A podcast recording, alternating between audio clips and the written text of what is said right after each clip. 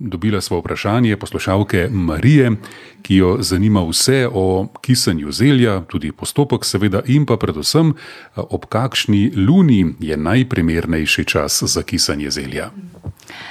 No, mislim, da ravno ob mlaju, če gledamo na to spremembo lune, ki vpliva na vsa živila, na ena bolj, na druga manj. Mislim, da lahko se izognemo temu dnevu, tudi tem dnem, ki so tako dva dni prej, pa še dva dni potem mogoče. Vse ostale dni pa mirno lahko, ko je čas za to, ko je zunaj vse zaprlo, recimo imamo že not pripravljeno zelje, se ga lotimo in tako pripravimo, očistimo in ga ribamo. Zdaj, zelje naribamo sigurno na tak nož, ki ga ročno jih, po, kako bi rekla, drsamo po tem strgalu in lepo režemo rezance. Čisto si sami tudi lahko, ukrojimo vse skupaj.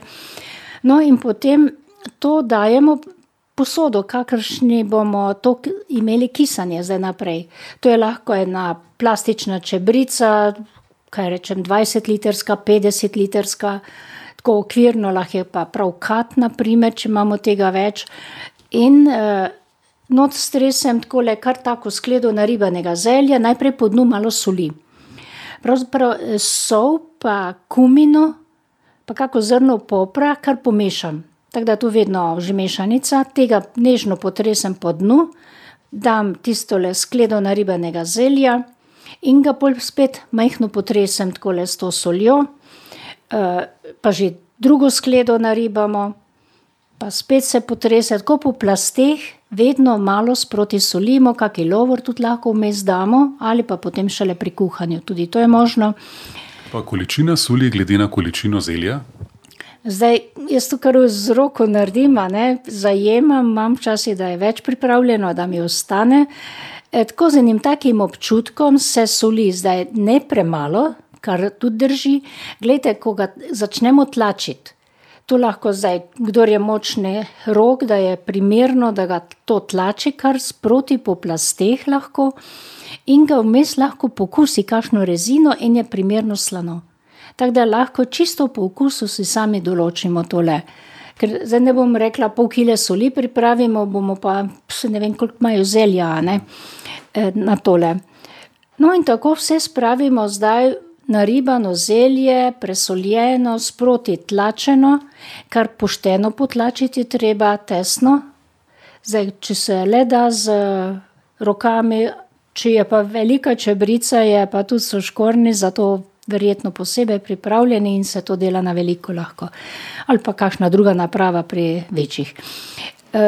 to, pol ga pa že kar ta voda nastopa, je sočno, že tako žvenketa. Potem ga pokrijem z eno tako platneno cunjo, ki jo splaknem, ožmem, dobro pokrijem in potem dam čez kaj, bodisi eno tako pokrovko, ki lepo sede zdaj čez tole krpo, in to obtežim. Pač primerno, kar imamo za obtežiti, ne vem, kaj je pri roki. Kamni, to so edino prvo praktično. Zdaj, ko imam večno, večjo, kako petkilsko konzervo recimo, v kozarcu naloženo, jaz kar tisto gor dam, v taki desetlitrski ajmar, dvanajst, a ne. No, in to, pa voda nastopa, pa ali pa še malo prilijemo.